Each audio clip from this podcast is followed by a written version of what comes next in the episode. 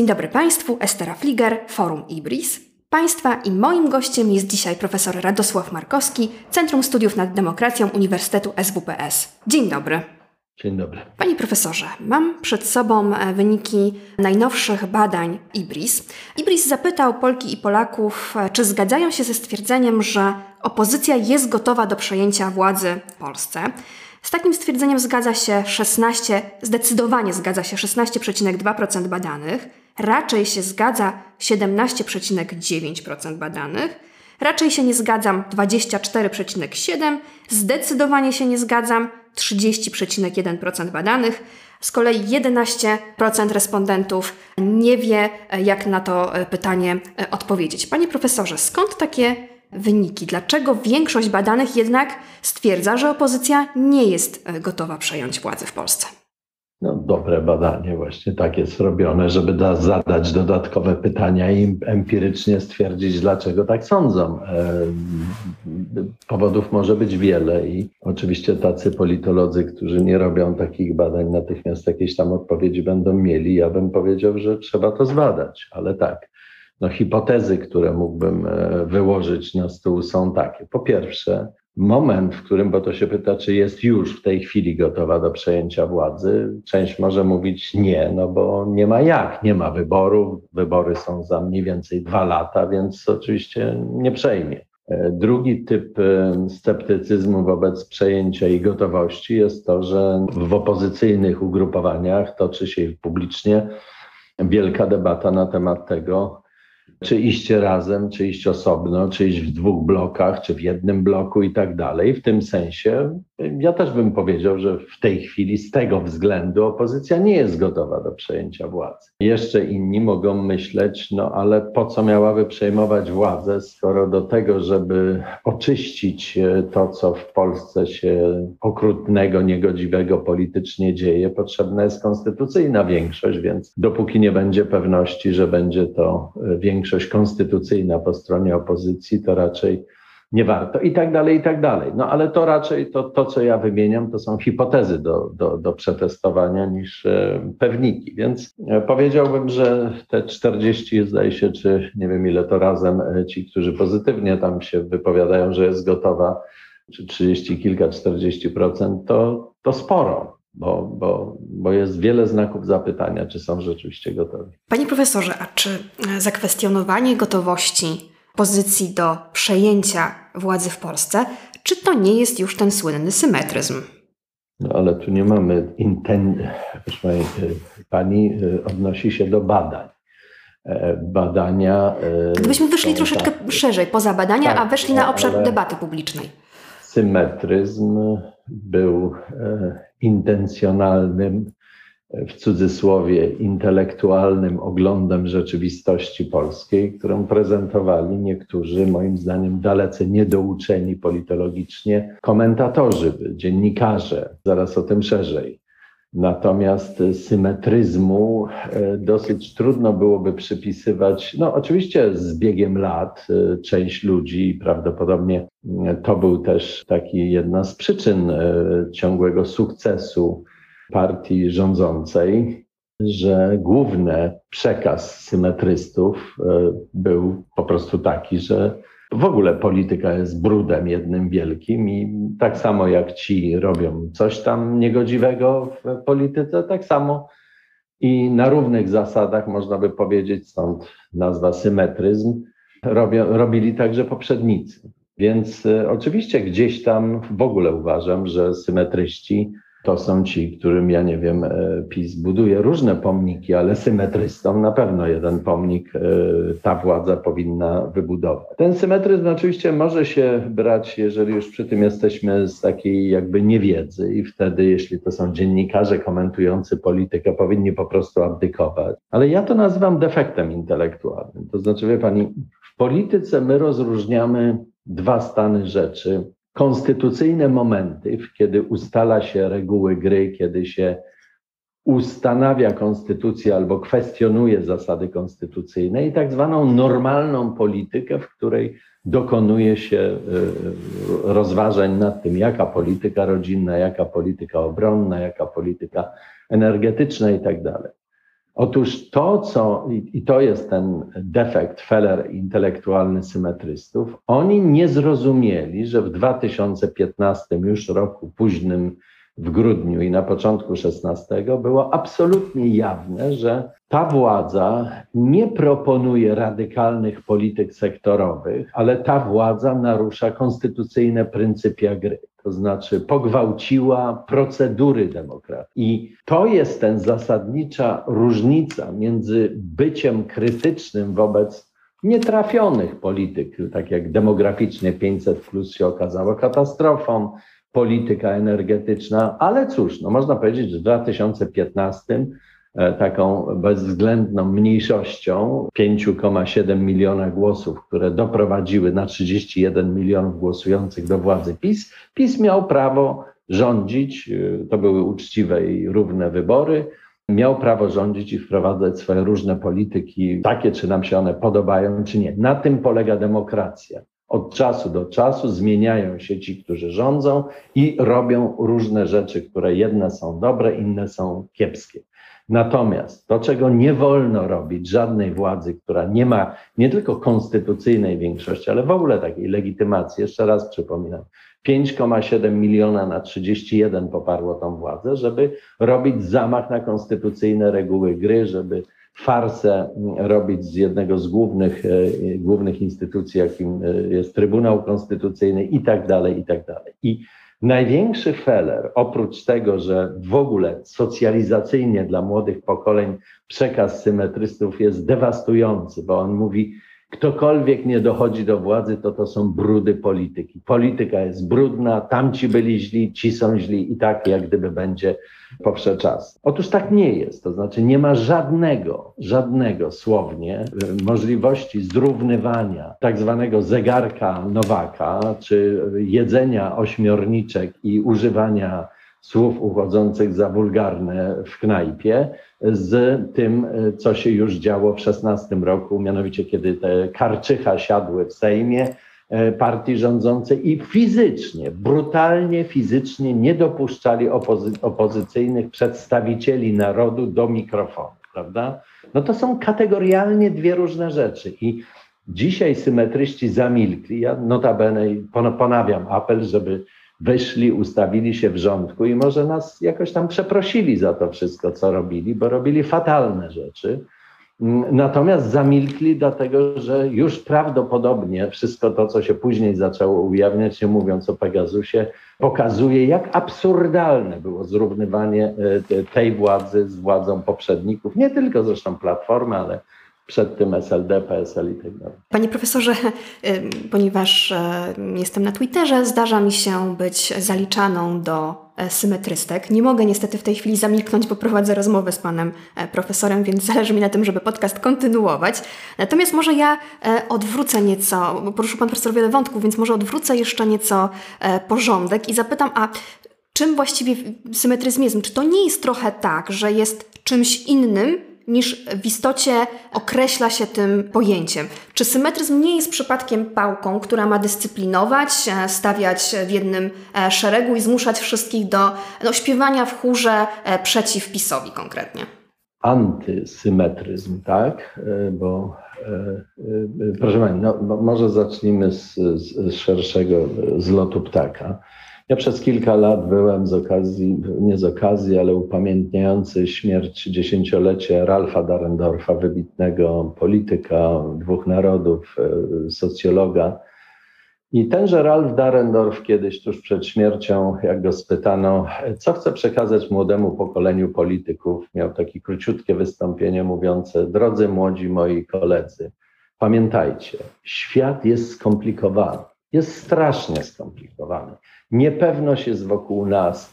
Musimy mieć wielkie zacięcie, by roztrząsać szczegóły tych wszystkich powiązań, które są wokół nas i ci, którzy wam mówią, że wszystko jest proste, my możemy, jak dojdziemy do władzy albo kliknięciem palca coś załatwimy, to są ci, którzy prowadzą was prostą drogą do jakiejś formy niedemokratycznej, e, autorytarnego reżimu.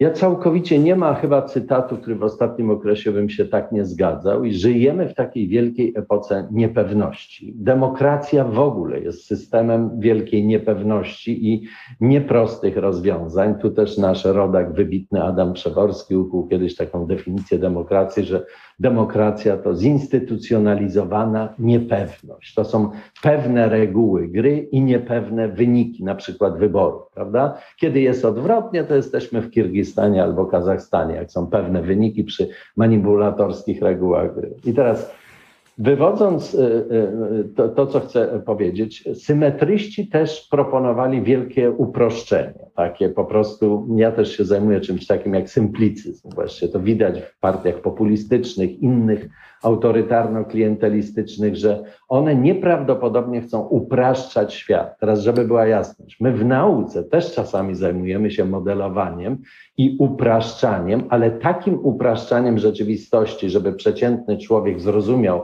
skomplikowane procesy gospodarcze i polityczne, które nie zadaje kłam skomplikowanym relacjom przyczynowo-skutkowym w rzeczywistości, a, a ten populistyczny symplicyzm właśnie taki kłam zadaje. No i to są na przykład, wie Pani, no, gdy, gdyby porównywać, proszę zwrócić uwagę, od dwóch lat jesteśmy w pandemii. Otóż obrazą przeciętnego rozumu Polaka jest statystyka, którą ten rząd serwuje nam codziennie.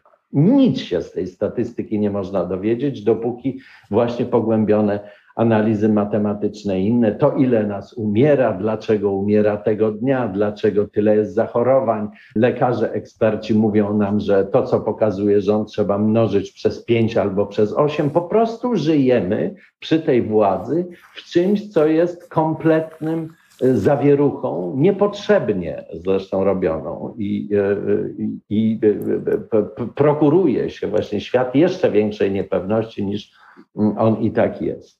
I w tym wszystkim właśnie symetryści, którzy próbowali mówić, no dobrze, no ci to coś tam robią nie tak, ale i tamci byli nie lepsi, e, też takim wielkim uproszczeniem był, bo oczywiście trzeba sobie powiedzieć, większość, no, jeśli to nie jest Nowa Zelandia i parę innych na palcach jednej ręki krajów, gdzie polityka jest bardzo w miarę przyzwoita, Właśnie pani y, Jacynda, e, premierka e, Nowej Zelandii, dwa dni temu zdecydowała się odwołać własny ślub. Dlaczego?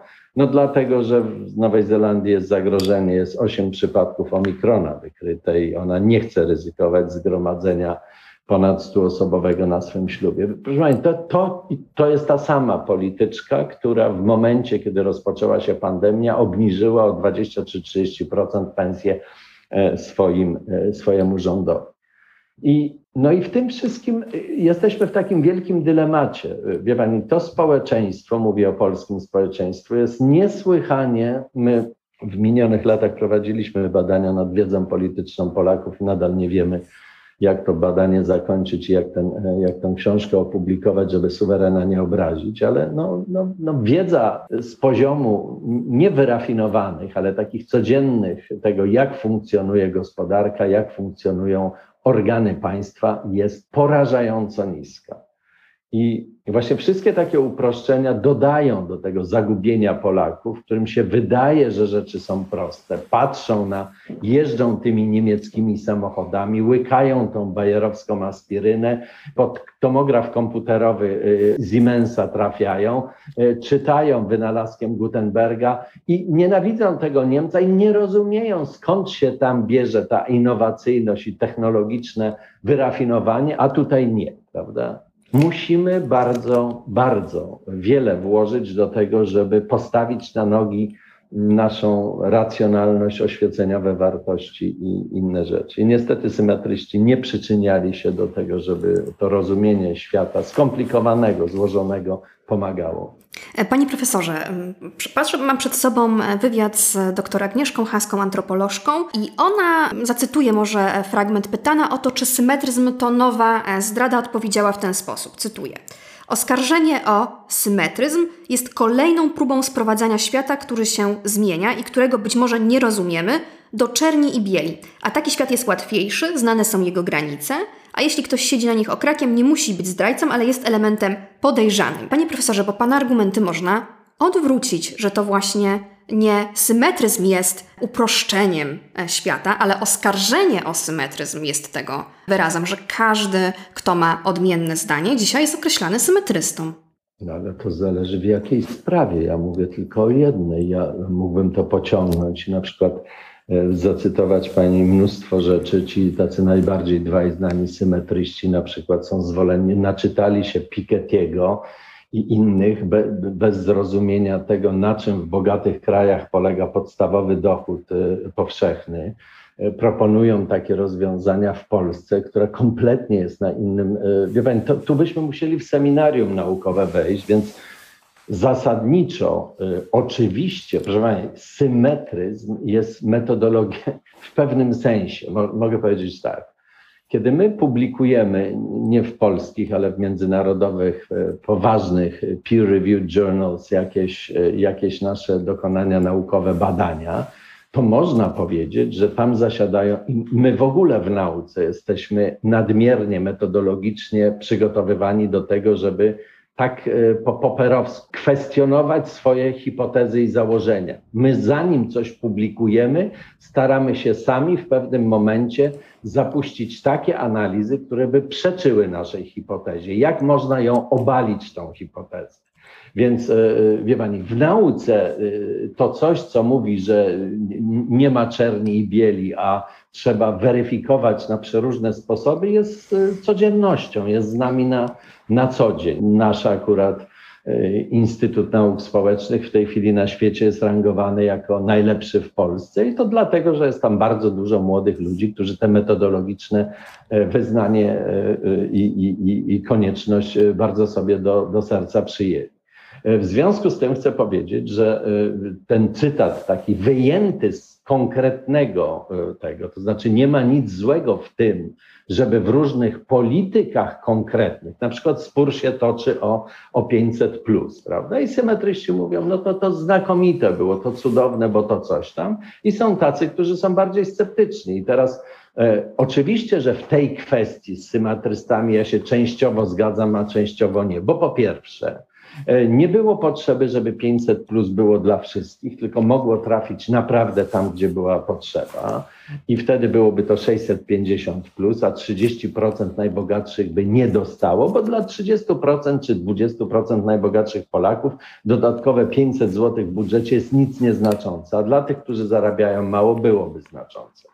Druga kwestia z 500, plus, kompletnie chybione założenie, jak pani pamięta, to miało być demograficznym wytrychem na to, żebyśmy e, z tego 1,30 kilka e, reprodukcji skoczyli na co najmniej 2,1 i mieli prostą reprodukcję demograficzną. Nie, to, to się nie stało, bo to, bo to były chybione założenia.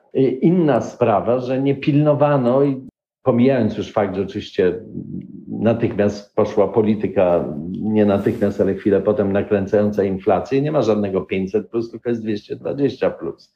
Więc jest szereg rzeczy, które akurat o tą politykę sektorową można się kłócić. Prawda? I można pokazywać, że rzeczywiście wielu rodzinom to pomogło, ale można to było zrobić lepiej i tak dalej. Natomiast ta, ta fundamentalna kwestia, że to jest takie samo, jak było poprzednie, to to po prostu jest niedorzeczność. Niedorzecznością jest proponowanie w Polsce tego podstawowego dochodu powszechnego, dlatego że po pierwsze, na Zachodzie podstawowy dochód e, powszechny odnosi się do bardzo nielicznej grupy przy bardzo bogatym społeczeństwie, a na dodatek zazwyczaj w protestanckiej kulturze self-made mana i takiej pewnej e, e, wstydliwości tego, żeby brać dodatki, a proponowanie tego w Polsce, gdzie bardzo wielu trafiałoby, należałby się ten podstawowy dochód powszechny, trafia jednocześnie na taką kulturę, którą, wie pani, no chcę delikatnie tutaj powiedzieć, ale liczne badania pokazywały, co się dzieje z taką najlżejszą grupą rentową, Y, i jak się te renty inwalidzkie zdobywa w Polsce i czy one cokolwiek wspólnego mają y, z rzeczywistym mm, inwalidztwem. Oczywiście częściowo mają, ale w bardzo licznych przypadkach to były wymuszenia. Więc e, taki dochód i ta, takie rozwiązanie, ślepo proponowane w takim kraju jak Polska, no nijak się nie pozwala na. Trzeba o tym jakby dyskutować, ale to jest w ogóle poza, poza kwestią, że kraj, który ma gonić inne, miałby mieć. Oczywiście w stosunku do pewnych grup, które nie są sobie te milczące mniejszości czy wykluczeni ludzie z powodów E, których nie zawinili i tak dalej. Na tym polega solidaryzm e, międzypokoleniowy i w ogóle społeczny, że im się po prostu pomaga, ale, ale co za dużo, to, to niezdrowo. I, I mamy w tej chwili, myśmy skończyli taki raport o państwie i o rynku w Polsce. No mamy obraz dosyć przerażający, jeśli chcemy gonić świat, mianowicie zaufanie, e, popieranie i bliskość i opowiadanie się za państwowymi rozwiązaniami jest e, w Polsce w tej chwili popierane przez tych, którzy są tak zwanymi klasami transferowymi i właściwie do, do budżetu państwa nic nie wkładają, natomiast bardzo sceptyczni, bardzo negatywnie do państwa nastawieni i e, niechcący korzystać z państwa, opowiadający się za rynkowymi rozwiązaniami. Czasami nawet tam, gdzie nie powinno być rynku, są ci, którzy pracują po 16 godzin i są tymi, którzy wkładają do budżetu państwa. Więc to jest, to jest dramatyczna trochę sytuacja sytuacja i, i chcę powiedzieć, że na świecie znamy te przypadki, kiedy się y, ponadnormatywnie, kiedy pieniądz ekonomiczny się przekształca w polityczny i klientelistycznie kupuje pewne grupy społeczne, żeby głosowały w pewien sposób. I to jest y, wielka, y, wielkie wyzwanie, to znaczy wielki błąd. To znaczy nie da się Polski z Polski zrobić Korei, która doskoczy do najbardziej zindustrializowanych krajów świata, taką polityką. E, to kilka e, wątków, kilka e, komentarzy. To po pierwsze, czy politycy Platformy Obywatelskiej, którzy mówią, iż program 500 Plus należy utrzymać w dokładnie takim kształcie, jakim jest teraz, to są symetryści? Po drugie, zbierając te różne poruszone przez pana profesora wątki dotyczące kupienia suwerena i jego, jego głosów. E, przypominam sobie świetny wywiad profesora Karola Modzelewskiego z Donatą Subotko w Gazecie e, Wyborczej e, i pan profesor pytany o wybory polityczne Polek i Polaków, o zwycięstwo Prawa i Sprawiedliwości w 2015 roku zadał bardzo proste, krótkie pytanie, a jak Polacy i Polaki, Polki i Polacy mają głosować, skoro traktowani byli jak nawóz historii przez wiele lat. To też ten komentarz profesora Karola Modzelewskiego, nie wiem, czy to już też kwalifikuje się jako ten symetryk symetryzm. No właśnie, więc może chociaż wokół tych dwóch wątków może jeszcze jedną rzecz podrzucę. A ile jeszcze lat Polacy mają słyszeć, że muszą zaciskać pasa, że muszą gonić Zachód? Proszę Pani, no, ja bym oczekiwał, że zarówno profesor Modzelewski, jak i Pani troszkę y, ze statystyką całej polskiej transformacji y, byście ją potraktowali tak, jak Główny Urząd Statystyczny pokazuje. A co on pokazuje? Przypominam. On mianowicie pokazuje, nie, nie rozumiem o co chodzi z tym y, niesamowitym zaciskaniem pasa, dlatego że proszę sobie zerknąć na badania opinii publicznej sprzed 15 roku. Proszę sobie zerknąć, kiedy były najwyższe nierówności społeczne w Polsce. One były w 2001-2002 roku, tuż przed wejściem do Unii Europejskiej miały Gini koeficjent był 0,36. Do 2015 to spadło do 0,29-30, zależy kto liczył.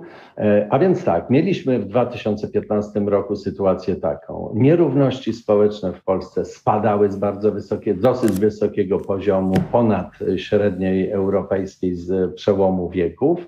E, bezrobocie spadało. Badania opinii polecam, cebosowskie badania, które w każdym razie można, mają takie same pytania od lat. 70% Polaków było zadowolonych z własnego gospodarstwa domowego i tego. I w Polsce intelektualiści, tak zwani komentatorzy, y, często nie badają, nie wiedzą, a opierają się, otwierają okno rano, wyglądają i mają fenomenologiczny wgląd w istotę rzeczy, wie pani. I teraz I, e, a wśród niektórych z nich jest tak zwana też bolączka, która na świecie występuje, że partykularne wyniki pewnych badań się uniwersalizuje. A więc jest taki jeden e, antropolog, który mówi, że tam gniew w Polakach narastał. Inny mówi o folczwarcznej gospodarce i tak dalej. I teraz jak ktoś taki jak ja, który bada te sprawy, sobie kiedyś tam próbował policzyć, no ilu tych gniewnych było, to wychodzi, że tak, owszem, był gniew wśród Polaków, dotyczy dotyczył on 6-7% społeczeństwa. E, gdzie taka straszna, wy, wy, wyzyskowa, folwalczna gospodarka e, tutaj panuje? E, no też wyszło na to, że zależy jak ją zdefiniować, w porywach między 8 a 12%. Natomiast takie chwyty, tak samo jak to miastko, prawda, jakimś autorytaryzmie, 30 wywiadów, E, robionych jakościowo, a później się to przedstawia jako ilościowe badanie, mówi o tym, dlaczego w Polsce ten nowy autorytaryzm narasta. To są wszystko, e, no niestety, muszę powiedzieć, źle robione badania albo nieznajomość tych badań i e, rozpowszechnianie tezy, która jest prawdziwa względem pewnego małego wycinka rzeczywistości, ale nie całości. Polska, przypominam pani, cokolwiek by nie tego, kiedy się weźmie do tego 2015 roku, e, PKB per capita 89 roku jest o dwie długości przed wszystkimi innymi krajami w 2015 e, Europy Środkowo-Wschodniej i miała wówczas 2,5-2,8 PKB per capita e, sprzed 25 lat. No i, i, i równiej dystrybuowane niż wcześniej. Więc jak y, także Marcina Króla może pani tutaj, że głupi byliśmy i tak dalej, i tak dalej. No oczywiście, że te wielkie transformacje mają swoje koszty i nie tylko. Dlaczego koszty są tylko tych, którzy, którym się naprawdę nie, nie, nie powiodło? A jakie są koszty transformacyjne nie tych, których zaraz można pokazać palcem, zbili wielkie miliony i są tam ułamkiem procenta, ale tych ciężko pracujących sklepikarzy, kierowców, wszystkich innych, którzy e, zapobiegliwie dbają o swoje małe i średnie biznesy, pracując po 16 godzin dziennie. No i na nich też trzeba patrzeć. To można by sądzić, że się odbył prawdziwy wyzysk człowieka, a nie tych, którzy siedzieli na przyzbie i czekali na to, żeby listonosz coś przyniósł, bo załatwili sobie rentę trzeciej kategorii. Więc to trzeba być bardzo uważnym. Nie ma moim zdaniem żadnych, y, zresztą y, widać to także po tym, y, jak ta praca w Polsce wygląda, że tak, ludzie jeżdżą po świecie i wracają też do Polski. To, to, to nie jest jednostronny ruch. E, ludzie jeżdżą też po świecie i widzą, że na Zachodzie nie pracuje się po 16 e, godzin dziennie. Zachód dzisiaj rozmawia o czterodniowym e, tygodniu pracy, ale myślę, że koszta transformacji oraz ta dyskusja wokół 16 godzin pracy to już na osobną rozmowę. Natomiast jeśli już rozmawiamy o badaniach CEBOS, CEBOS-u, to CEBOS regularnie pyta Polki i Polaków, czy ich gospodarstwa domowe posiadają oszczędności. W 2007 roku 77% respondentów odpowiedziało, że nie, ich gospodarstwa nie mają oszczędności. E, po raz pierwszy proporcje odwróciły się w 2019 roku, cztery lata po pierwszym zwycięstwie, po, po, zwycięstwie Prawa i Sprawiedliwości. Wówczas po raz pierwszy większość zapytanych Polek i Polaków zadeklarowało, że dysponuje e, oszczędnościami. Ta tendencja utrzymywała się w 2020 i 2021 roku.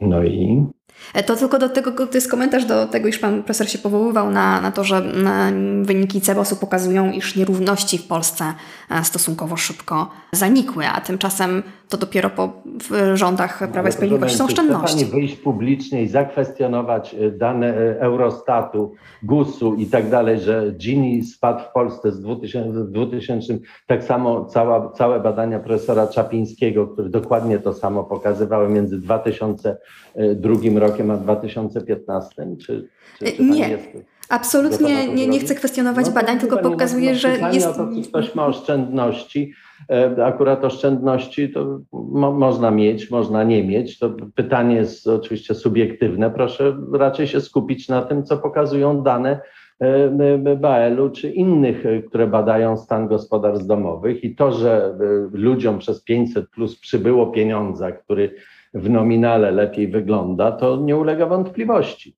Więc tyle, jeśli chodzi o to. Natomiast jeśli pani się powołuje na te lata i chce pani o dobrostanie Polaków, to może porozmawiamy o tym, że po raz pierwszy w 2018 roku w stosunku do 2017 4% wzrosła śmiertelność Polaków, co jest dużo ważniejsze niż ich oszczędności, a w 2019 przez pandemię kolejne 2, e, 4% e, wzrosła śmiertelność i dzisiaj po czterech, i to jest przed COVID-em, proszę zwrócić uwagę, dzisiaj emeryci mogą radośnie, ci, którzy przechodzą na emeryturę, pokazać, że będą mieli wyższą emeryturę, a to dzięki temu wielkiemu sukcesowi, jak jest to, że po raz pierwszy w okresie powojennym skraca się w stosunku 2015 i 2016 roku y, długość życia Polaków. I długość życia Polaków, moim zdaniem, jest dużo bardziej e, wrażliwym e, wskaźnikiem tego, co tu się dzieje, niż e, to, czy ktoś deklaruje subiektywnie, że ma oszczędności, czy nie ma.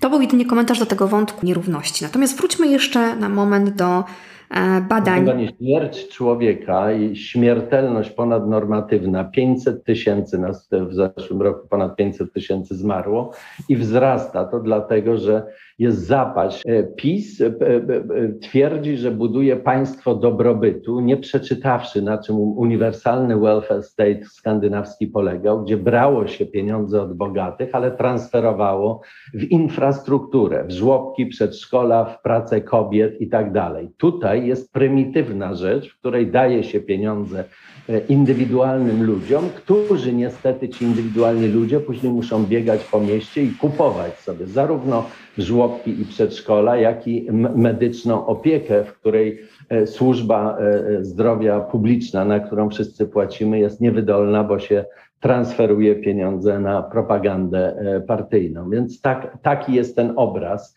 i śmiertelność Polaków i to, że nas wymarło o kilka już set znaczy ponad 100 tysięcy więcej w ciągu tych kilku lat niż powinno było, e, plus e, wszelkie zaniechania dotyczące zapylenia i energetycznej transformacji, to jest prawdziwy obraz tego, co tutaj się dzieje, a nie oszczędności. E, panie profesorze, absolutnie tutaj nie będzie sporu o to, iż usługi publiczne są czymś niezwykle ważnym i absolutnie do zagospodarowania. Tak, i wracając jeszcze na moment do wyników e, badań e, IBIS, pojawiło się w nich też takie pytanie, czy e, Polki Polacy zgadzają się z tym stwierdzeniem, że odsunięcie PiS od władzy jest ważniejsze niż to, jaka będzie Polska po PiSie. I z takim stwierdzeniem zgadza się, zgadza się zdecydowanie 21,8% badanych, raczej się zgadza 14,3%, zdecydowanie się nie zgadza 30,7%, E, raczej się nie zgadza 18,9.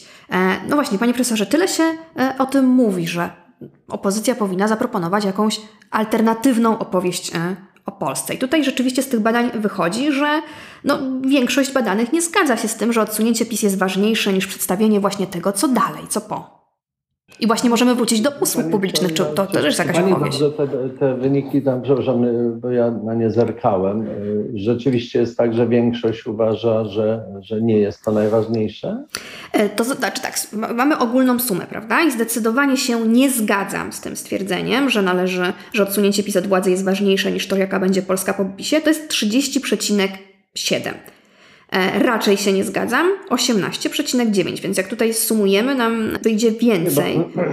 Tylko, że jak spojrzymy po elektoratach, prawda, no to tutaj możemy wejść jeszcze w szczegóły. Ale, ale wie Pani, no trzeba, trzeba dwie rzeczy jak gdyby rozróżnić. Ja gdybym robił takie badanie, bym zadał to pytanie w rozbiciu na dwa. Po pierwsze, czy za wszelką cenę należy PiS e, roz, odsunąć od władzy czy też y, druga sprawa, y, nieważne jaka będzie ta Polska po PiSie. No nikt zdroworozsądkowy nie, nie powie, że nie jest ważne, jak będzie wyglądała przyszłość, więc troszkę to y, mota pewnie ludziom, kiedy chcą odpowiadać. Otóż ja akurat należę do tych, którzy, ja zresztą publicznie to proponowałem, wielokrotnie, że e, tak jak w wielu przypadkach, e, bo jeszcze raz e, spróbuję zdefiniować tą sytuację polską, która ta moja definicja nie odbiega od niczego, co międzynarodowe trybunały widzą, co widzi nawet pan Adam Strzembosz, były prominentny człowiek polskiej prawicy, mianowicie, że jesteśmy państwem niepraworządnym, że władza wykonawcza depcze e, konstytucję własnego kraju i że i tak dalej, i tak dalej mógłbym długo po tym. I ponieważ tak się dzieje, ponieważ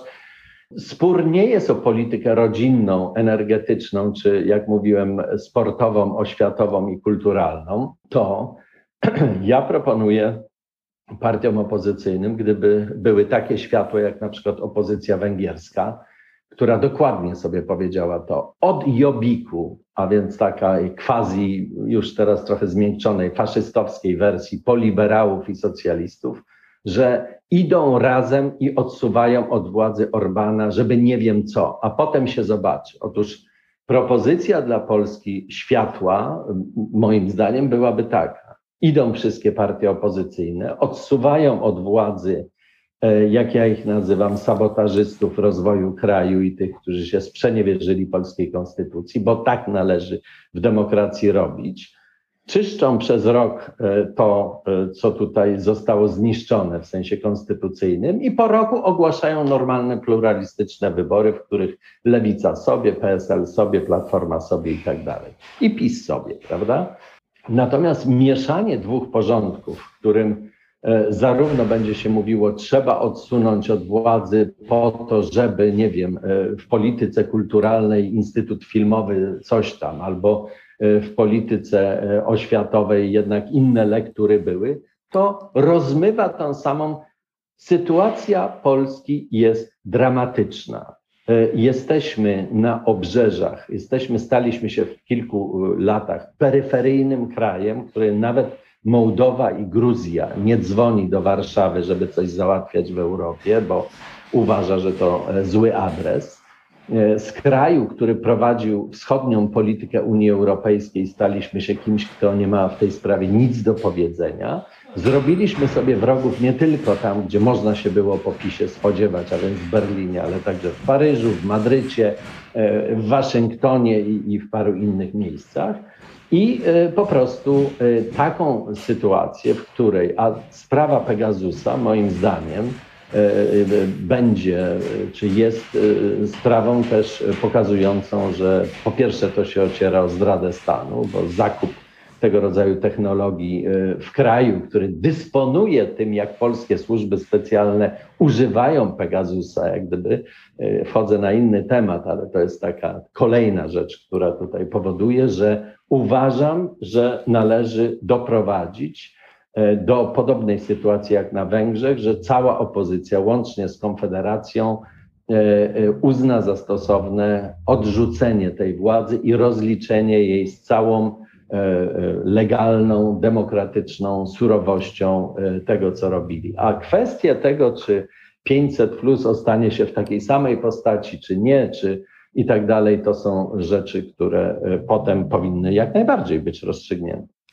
Bardzo dziękuję panie profesorze za e, ciekawą rozmowę. Państwa i moim gościem był profesor Radosław Markowski, Centrum Studiów nad Demokracją, Uniwersytet SWPS. Pięknie dziękuję za, za ciekawą dyskusję. Dziękuję bardzo. Dziękuję bardzo.